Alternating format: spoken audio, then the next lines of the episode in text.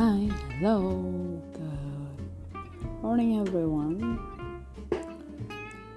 Saya pengen cerita tentang podcast baru saya.